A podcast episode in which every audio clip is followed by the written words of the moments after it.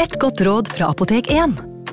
Nå er snart pollensesongen i gang, og et godt råd til deg som sliter med pollenallergi, er å begynne behandlingen i god tid før allergisesongen starter. Da får du nemlig enda bedre effekt av legemidlene, og så blir ikke våren din helt ødelagt. Kom innom og få råd på ditt nærmeste Apotek 1, eller chat med oss på apotek1.no. Apotek 1 vår kunnskap, din trygghet.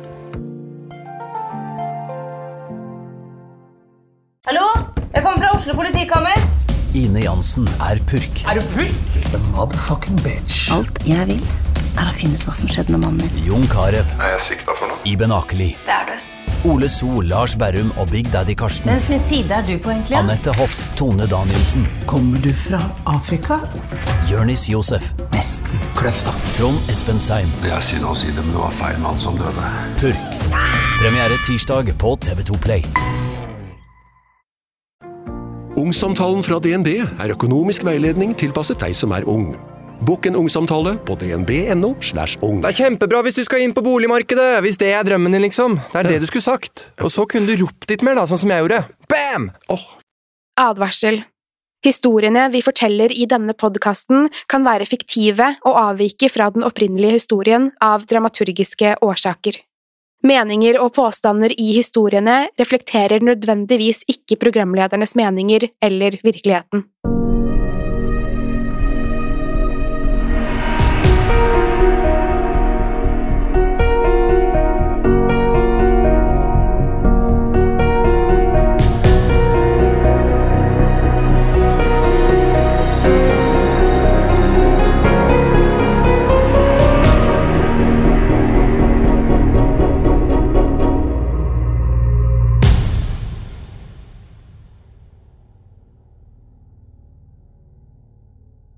Feirer ikke halloween lenger. Når barna i nabolaget kommer for å be om godteri, skrur jeg av alt lyset i hjemmet mitt og trekker for gardinene. Hvis noen likevel skulle ringe på døren, gjemmer jeg meg på soverommet og venter til de forsvinner. Jeg er nemlig livredd for at det ikke skal være et barn kledd i et uskyldig kostyme. Kanskje er det bestemor Gran som står der ute. Hennes navn var Annelise Gran, men alle kalte henne bare for Bestemor Gran. Hun var kjent som den snilleste gamle damen i hele verden. Bestemor Gran bodde i et lite grønt hus helt ved grensen til skogen. I dette huset hadde hun bodd så lenge noen kunne huske. Det var mange som hevdet at hun var godt over 100 år gammel. Jeg vokste opp i en gate som lå inntil den samme skogen som huset til bestemor Gran. Hvis man fulgte stien innover i skogen og over åsen, kom man til oppkjørselen hennes. Jeg tilbrakte utallige timer i denne skogen. Jeg klatret på knausene, bygget hytter og lekte mellom trærne. Morsomst av alt var å løpe langs den smale, slingrete stien og late som jeg ble jaget av ulver. Jeg fikk alltid en litt ekkel følelse da jeg støtte på bestemor Gran. Kanskje det var på grunn av den litt merkelige måten hun gikk på? Ryggen hennes var krumbøyd, og armene hennes var krøllet mot kroppen som en T-rex. Fingrene var unaturlig lange og tynne. Kanskje det var det krusete, hvite håret som sto til alle kanter? Eller kanskje var det alle leverflekkene eller blodårene man kunne se gjennom den nesten gjennomsiktige huden? Da jeg var syv år gammel, dro jeg og moren min på besøk til bestemor Gran. De samarbeidet på et håndverksprosjekt til det lokale markedet. Jeg husker at det lille grønne huset luktet som lavendel og møllkuler, og på alle veggene hang det bilder av barn. Noen av bildene var i svart-hvitt, andre var falmede etter å ha hengt på veggen i mange år. Er det dine barn? spurte jeg. Bestemor Gran smilte og kikket rundt i rommet. Ja, dette er alle mine skjønne babyer. Da vi gikk hjem langs den smale stien, kommenterte jeg at det var utrolig at én person kunne ha så mange barn. Moren min bare lo av meg. De er egentlig ikke hennes barn, forklarte hun. Hvorfor har bestemor Gran bilder av andres barn på veggen? spurte jeg. Fordi foreldrene ga dem til henne, sa moren min. Har du gitt henne et bilde av meg? Moren min ristet på hodet før hun sa ikke ennå. Vær så snill, sa jeg og ga henne et bekymret blikk. Ikke gjør det.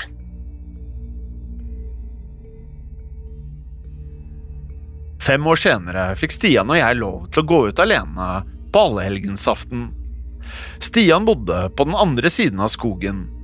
Her var alle gatene koblet sammen, og det var enda flere dører å banke på. Vi skulle gå fra dør til dør og ropte knask eller knep hver eneste gang noen åpnet. Faren min fulgte meg bort til Stian sitt hus. Jeg var kledd ut som en pirat med lapp over øyet og en lekepapegøye på skulderen. Stian sto ute og ventet på meg. Stian hadde på seg noe som kunne minne om et zombiekostyme. Klærne hans var revet i stykker og dekket av blod som var falskt. I ansiktet og på armene hadde han sminket store, åpne sår. Jeg ble ganske imponert over hvor grotesk han så ut. Da faren min kjørte av gårde, så grep Stian tak i armen min. Han dro meg vekk fra huset og bort til garasjen. Hør her, du er nødt til å hjelpe meg med noe, sa Stian. Så forklarte han at Jonas hadde gitt han en utfordring, og dette gikk ut på å tulle med bestemor Gran. Jonas var en gutt i klassen vår som alltid kranglet med Stian. De hadde vært rivaler helt siden Stian knuste Jonas i en brytekamp. Siden den gang hadde Jonas alltid prøvd å ta igjen, for Jonas var fast bestemt på å bevise at Stian var en pyse. Og Stian var altfor sta til å ignorere han. Jeg likte ikke ideen om å plage andre, i alle fall ikke en snill, gammel dame som bestemor Gran. Men Stian hadde allerede bestemt seg, og han insisterte på at vi ikke skulle gjøre noe farlig. Stian ville at vi skulle banke på hos bestemor Gran. Deretter skulle han snike seg inn bakdøren. Jeg var ikke interessert i å hjelpe han med å gjøre innbrudd, men Stian fortalte at det ikke var nødvendig å bryte seg inn. Han forsikret meg om at bestemor Gran aldri låste bakdøren. Jeg ante ikke hvordan Stian var klar over at hun ikke låste døren, men før jeg rakk å spørre, begynte han å legge ut om planen. Jeg skal snike meg inn bakdøren og liste meg opp trappen til andre etasje. Så skal jeg dekke hele soverommet hennes med toalettpapir. Men jeg forsto ikke hvorfor rivaliseringen med Jonas måtte gå utover bestemor Gran. Men jeg skjønte at Stian kom til å gjøre dette med eller uten min hjelp. Jeg sa jeg kunne hjelpe han så lenge vi tok en runde med knask eller knep etterpå. For dersom jeg kom hjem uten godteri i kurven, så ville foreldrene mine lure på hvor vi egentlig hadde vært.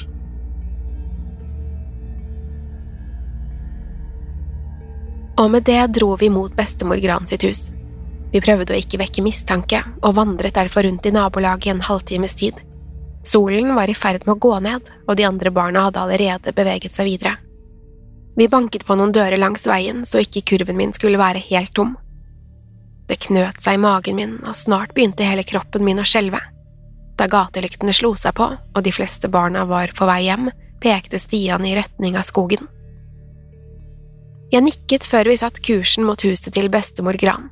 Vi prøvde å holde oss i skyggene uten å tiltrekke oss for mye oppmerksomhet. Stian ga tegnet til at vi skulle stanse da vi nærmet oss. Vi ble begge stående og studere det lille, grønne huset på toppen av åsen. Alle lysene var skrudd av, og inngangspartiet var helt mørkt. Hun må ha lagt seg allerede, sa jeg forsiktig.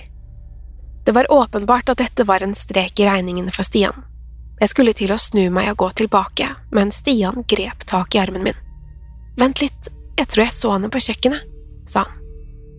Det var noen som beveget seg der inne men det var så mørkt at jeg ikke kunne se om det var bestemor Gran.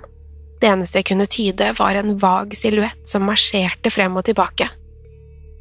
Dette gjorde alt litt mer risikabelt. Kjøkkenet lå nemlig vegg i vegg med bakdøren som Stian hadde tenkt til å snike seg inn. Stian stakk hånden ned i kurven med godteri og begynte å lete etter noe. I neste øyeblikk la han noe i hånden min. Her, ta denne, sa han. Det var en walkietalkie. Bare legg den i kurven din, fortsatte han. Hvis du ikke klarer å distrahere henne, kan du bare trykke to ganger på walkietalkien. Da vet jeg at det er på tide å komme seg ut av huset. Jeg var ikke overbevist. Hvis alt lyset var skrudd av, tvilte jeg på at bestemor Gran ønsket besøk. Stian ga meg et nesten desperat blikk. Han nektet å la Jonas gå seirende ut av denne konflikten. Hvis jeg ikke hjalp ham, kom sikkert Stian til å gjøre noe veldig dumt. Han kunne i hvert fall ikke innrømme for Jonas at han var en pyse. Jeg sukket og la walkietalkien i kurven. Greit, men skynd deg, ok, sa jeg. Stian dukket ned og snek seg innover i skogen. Før jeg visste ordet av det, var han ute av syne. Jeg kunne fremdeles høre at det raslet i løvet, mens Stian beveget seg rundt huset. Da tiden var inne, tok jeg et dypt åndedrag og fortsatte å stirre på huset. Det virket nesten større og hadde en mørkere grønnfarge enn tidligere. Gjennom vinduet kunne jeg fremdeles se at silhuetten beveget seg rundt på kjøkkenet. Av og til forsvant hun rundt hjørnet, før hun dukket opp igjen og forsvant i den andre retningen.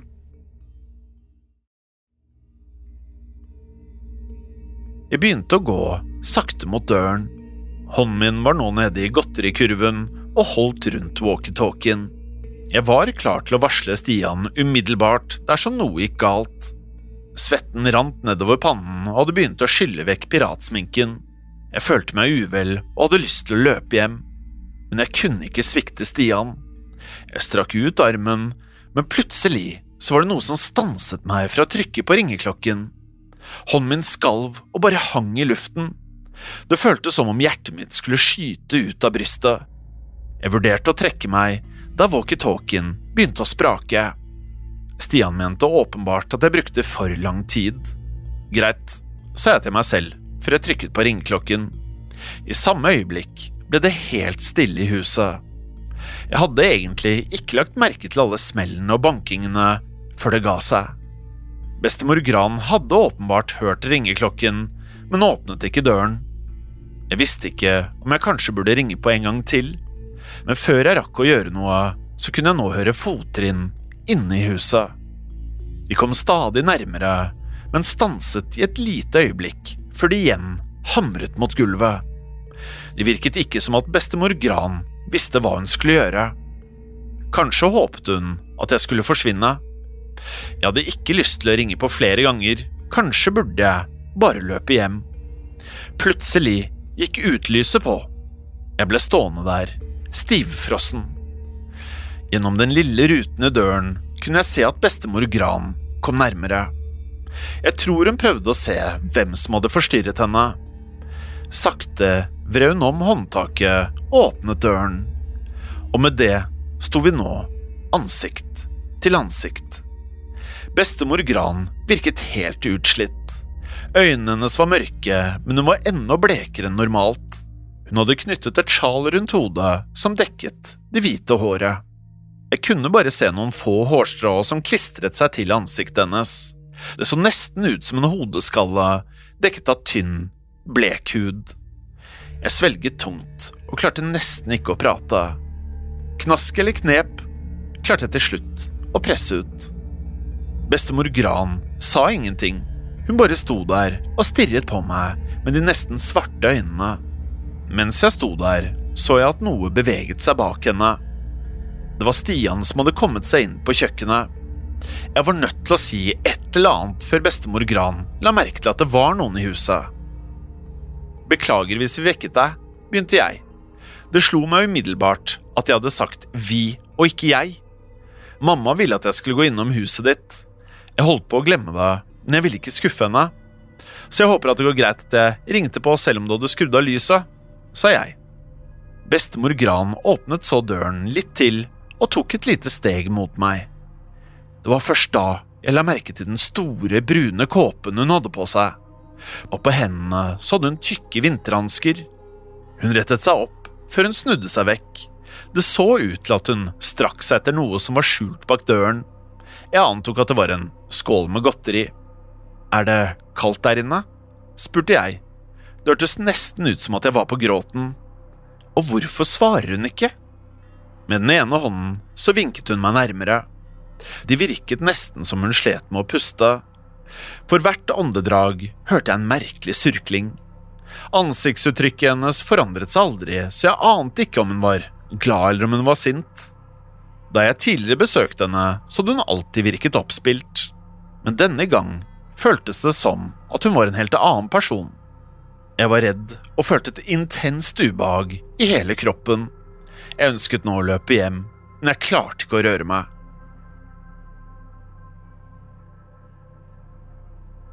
Jeg gikk litt nærmere bestemor Gran og holdt kurven med godteri foran meg. I samme øyeblikk hørte jeg et dunk inne i huset. Deretter fulgte lyden av tallerkener som knuste idet de traff kjøkkengulvet. Både jeg og bestemor Gran stivnet. Det virket som at Stian hadde bestemt seg for å lage mest mulig lyd der inne. Bestemor Gran snudde seg for å se hva som foregikk. Jeg visste ikke hva som foregikk, men det hørtes ut som Stian vred seg på gulvet. Han hadde kanskje fått et slags anfall. Panikken skjøt gjennom kroppen min mens jeg prøvde å komme på noe å si. Det eneste jeg klarte å tenke på, var at jeg måtte komme meg vekk. Uten å si noe snudde jeg meg og skulle til å legge på sprang. Men før jeg rakk å bevege føttene, hadde bestemor Gran grepet tak i håndleddet mitt. Til å være over 100 år gammel var hun overraskende sterk. Hun presset så hardt at jeg falt ned på kne. Jeg mistet kurven med godteri mens jeg prøvde å vri meg løs. Det gjør vondt, ropte jeg, uten at hun løsnet grepet. Nå kom den andre hånden hennes til syne.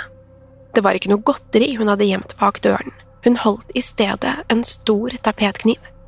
Hun forlenget knivbladet mens hun ga meg et kaldt og uttrykksløst blikk. Deretter dro hun meg nærmere. Det føltes så uvirkelig at jeg ikke klarte å kjempe imot. Jeg prøvde bare å forstå hva som egentlig foregikk. Det var Stian som reddet meg. Først hørte jeg sprakingen fra walkietalkien før stemmen hans runget fra kjøkkenet. Løp! Skrek han.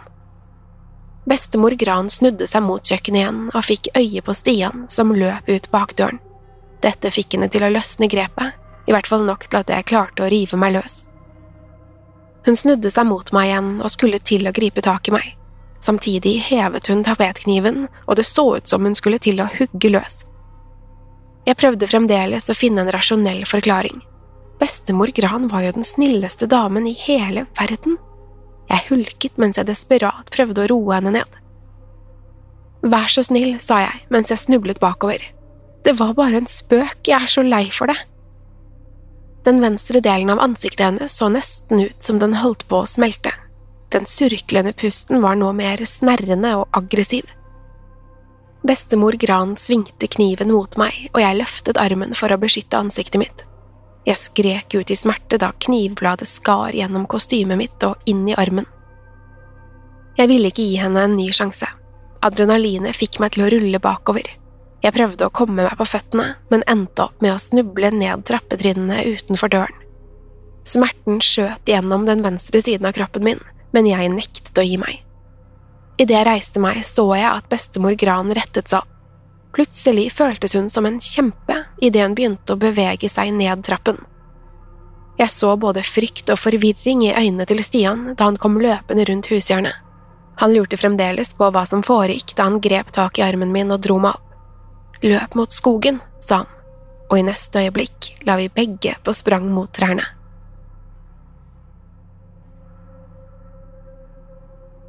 Jeg løp så fort jeg klarte og prøvde å holde følge med Stian. Det verket både i hodet og i armen, og jeg var både kvalm og svimmel. Før jeg visste ordet av det, så snublet jeg mine egne føtter. Jeg krasjet inn i bilen som sto parkert i oppkjørselen, og idet jeg prøvde å reise meg, så kastet jeg opp. Før jeg klarte å samle tankene, så hørte jeg tunge fottrinn rett bak meg. Jeg snudde meg og så at bestemor Gran stadig kom nærmere. Jeg kom meg på føttene igjen og løp videre mot skogen. Det eneste jeg nå ønsket, var å komme meg hjem. Stien var omtrent en halv kilometer lang. Den slingret seg gjennom skogen, over haugen og mellom trærne, men det var nedoverbakke hele veien hjem. I det bleke månelyset var det bare så vidt jeg kunne se stien foran meg men jeg hadde løpt denne veien hundrevis av ganger tidligere, og jeg husket hver eneste sving, hver eneste rot og hver stein. Frykten og adrenalinet gjorde at jeg ikke følte meg sliten. Jeg løp derfor så fort jeg kunne, men det føltes som at jeg beveget meg i sakte film. Alle sansene mine jobbet nå i høygir. Jeg kunne høre alt rundt meg og klarte å ta inn hver minste detalj. Stian, som ikke var like godt kjent i skogen, var lenger foran meg, men jeg kunne også høre at noen fulgte like bak meg. Jeg snudde meg for å se, og innerst inne visste jeg allerede hvem det var. Men da jeg fikk øye på henne, forsvant alt håpet om å noen gang komme meg hjem. For bestemor Gran var like bak meg. Hun kom buldrende ned stien som en vill elefant. Jeg kunne se henne helt tydelig, selv om hun var nesten 20 meter unna. Det mest skremmende var ansiktsuttrykket hennes, eller rettere sagt var det mangelen på et uttrykk. Det så ikke ut som hun følte eller ville noe som helst. Øynene hennes var svarte og livløse, og munnen var åpen. Den venstre delen av ansiktet så fremdeles ut som den holdt på å smelte. I neste øyeblikk tok vinden tak i sjalet hennes. Det blåste av hodet og tok med seg resten av ansiktet. Ansiktet bare løsnet, som om det hadde vært en maske. Sjalet landet på stien, men bestemor Gran stanset ikke. Hun fortsatte å løpe etter meg og kom stadig nærmere. Der ansiktet hennes hadde vært, var det nå bare blod. Men nå kunne jeg for første gang se øynene hennes. Hun stirret på meg i en blanding av raseri og galskap. Jeg visste ikke hva jeg skulle tro, men det føltes som at jeg holdt på å miste forstanden. For hvert skritt jeg tok, kom bestemor Gran litt nærmere. Det rasende, blodige ansiktet var noe av det mest fryktinngytende jeg noensinne har sett. Hun strakk ut armene og forberedte seg på å gripe tak i meg. Rett foran meg var det en skarp sving, men jeg bremset akkurat nok til at jeg klarte å holde meg på stien. Bestemor Gran var riktignok ikke like godt kjent i denne skogen. Jeg kjente så vidt fingertuppene hennes stryke mot bakhodet mitt. Hun rev med seg papegøyen fra skulderen min idet hun løp av stien og krasjet rett inn i et tre. Da jeg omsider var ute av skogen, kunne jeg se huset mitt i enden av gaten. Jeg våget likevel ikke å sakke farten. Stian småjogget like foran meg. Han var andpusten da han nærmet seg oppkjørselen utenfor huset mitt. Langs veggen må han ha mistet kurven med godteri, og svetten hadde vasket bort mesteparten av sminken. Ikke stopp, ropte jeg mot han. Stian snudde seg idet han holdt på å ta han igjen. Han skyndte seg bort til huset og begynte å hamre på døren. Jeg dyttet han til side. Deretter smalt jeg skulderen inn i døren og vred om dørhåndtaket. Vi ramlet inn, og begge endte opp på gulvet rett innenfor døren. Jeg klatret over stien, smalt igjen døren og vred om låsen. Deretter lente jeg meg mot døren og kjente at tårene presset seg på. Vi begynte å skrike til hverandre uten at jeg fikk med meg et ord av hva han sa. Vi ble stående der helt til foreldrene mine kom for å undersøke hva som foregikk. De ble naturligvis sjokkerte da de så blodet som rant nedover armen min. Hva er det som har skjedd med dere? spurte moren min. Jeg begynte å hulke mens jeg tenker på alt vi hadde opplevd. Så begynte vi å rope i munnen på hverandre igjen. Ansiktet hennes, noen tok ansiktet hennes, det bare løsnet og fløy av sted. Foreldrene mine visste ikke hva de skulle tro. De tenkte sannsynligvis at vi hadde skremt hverandre og skadet oss da vi løp hjemover. Jeg viftet med hånden så Stian skulle slutte å snakke. Deretter prøvde jeg å fortelle hva som hadde skjedd. Ansiktsuttrykkene deres vekslet mellom tvil, sinne og bekymring. Jeg skjønte godt at det var vanskelig å tro på denne historien. Hvis noen hadde fortalt meg at bestemor Gran hadde angrepet dem med en kniv og jaget dem gjennom skogen før ansiktet hennes løsnet, hadde jeg vært like skeptisk. Da jeg var ferdig, fortalte Stian sin versjon av hendelsene. Da jeg snek meg inn bakdøren, kunne jeg se det jeg trodde var bestemor Gran ved inngangsdøren. Jeg skulle bare snike meg bort til trappen, men plutselig snublet jeg i noe. Det var bena til bestemor Gran. Hun lå halvveis inne i spiskammerset. Jeg hadde aldri sett Stian gråte før, men nå rant tårene nedover kinnene hans. Ansiktet hennes var borte, og jeg kunne se alt på undersiden. Det var bare revet vekk som om noen hadde skrellet en appelsin. Noen hadde tatt ansiktet hennes. Moren min forsvant inn på kjøkkenet, hvor jeg kunne høre at hun ringte til politiet. Faren min ble stående foran oss. Han ristet på hodet i vantro. Stian og jeg så på hverandre. Det var ikke henne, sa Stian. Han ba om unnskyldning for alt sammen. Så ga jeg han en klem, og i et lite øyeblikk glemte jeg smerten i armen min. Stian la hodet på skulderen min og begynte å hulke.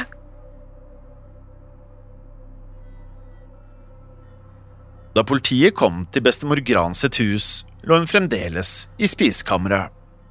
Strupen hennes var skåret over, og hele ansiktet var revet av. Politiet fant den blodige ansiktsmasken langs stien inne i skogen. De fant også papegøyen fra piratkostymet. Den var like ved treet som hadde reddet livet mitt. En av grenene var brukket og dekket av blod. Blodsporet fortsatte gjennom skogen, men stanset plutselig like utenfor huset mitt. Neste dag arresterte de morderen. Det var en arbeidsledig snekker fra en naboby. Han hadde blitt avslørt da han dro til legevakten.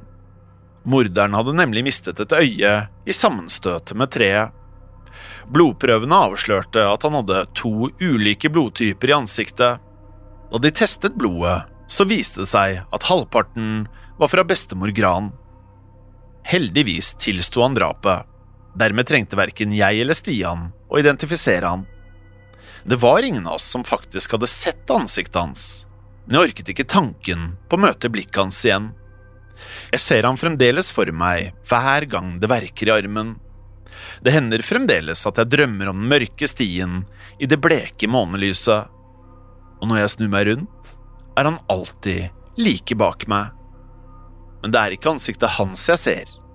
Det er fjeset til bestemor Gran, blottet for følelser og med nesten svarte øyne. De fleste husker bestemor Gran som den snilleste gamle damen i hele verden, men det gjør ikke jeg. Det er nemlig ansiktet til bestemor Gran som hjemsøker drømmene mine.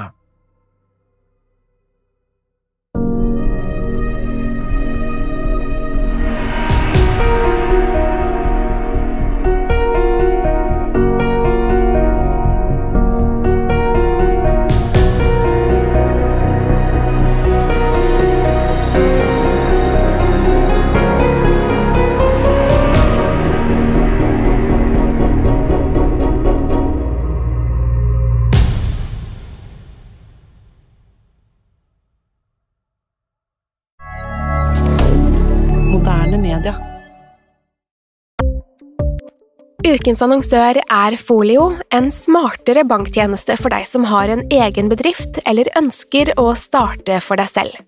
Folio er en superenkel nettbank for bedrifter. Som kunde i Folio får du en bedriftskonto med et bedriftskort og app. I denne appen er det smarte løsninger som forenkler regnskapet ditt, uansett om du har en liten bedrift eller et enkeltpersonsforetak. Folio er både intuitivt og brukervennlig, og er laget med et enkelt språk. I tillegg tilbyr de forutsigbare priser og ingen skjulte gebyrer. Skulle du likevel trenge det, så kan du snakke med deres raske og hyggelige kundeservice, og der får du prate med en faktisk person og ikke en chatbot. Folio er med andre ord både enklere og koseligere enn banken. Over 10 000 bedrifter har allerede valgt Folio som sin banktjeneste, så besøk folio.no og se hvordan Folio kan forenkle din hverdag også.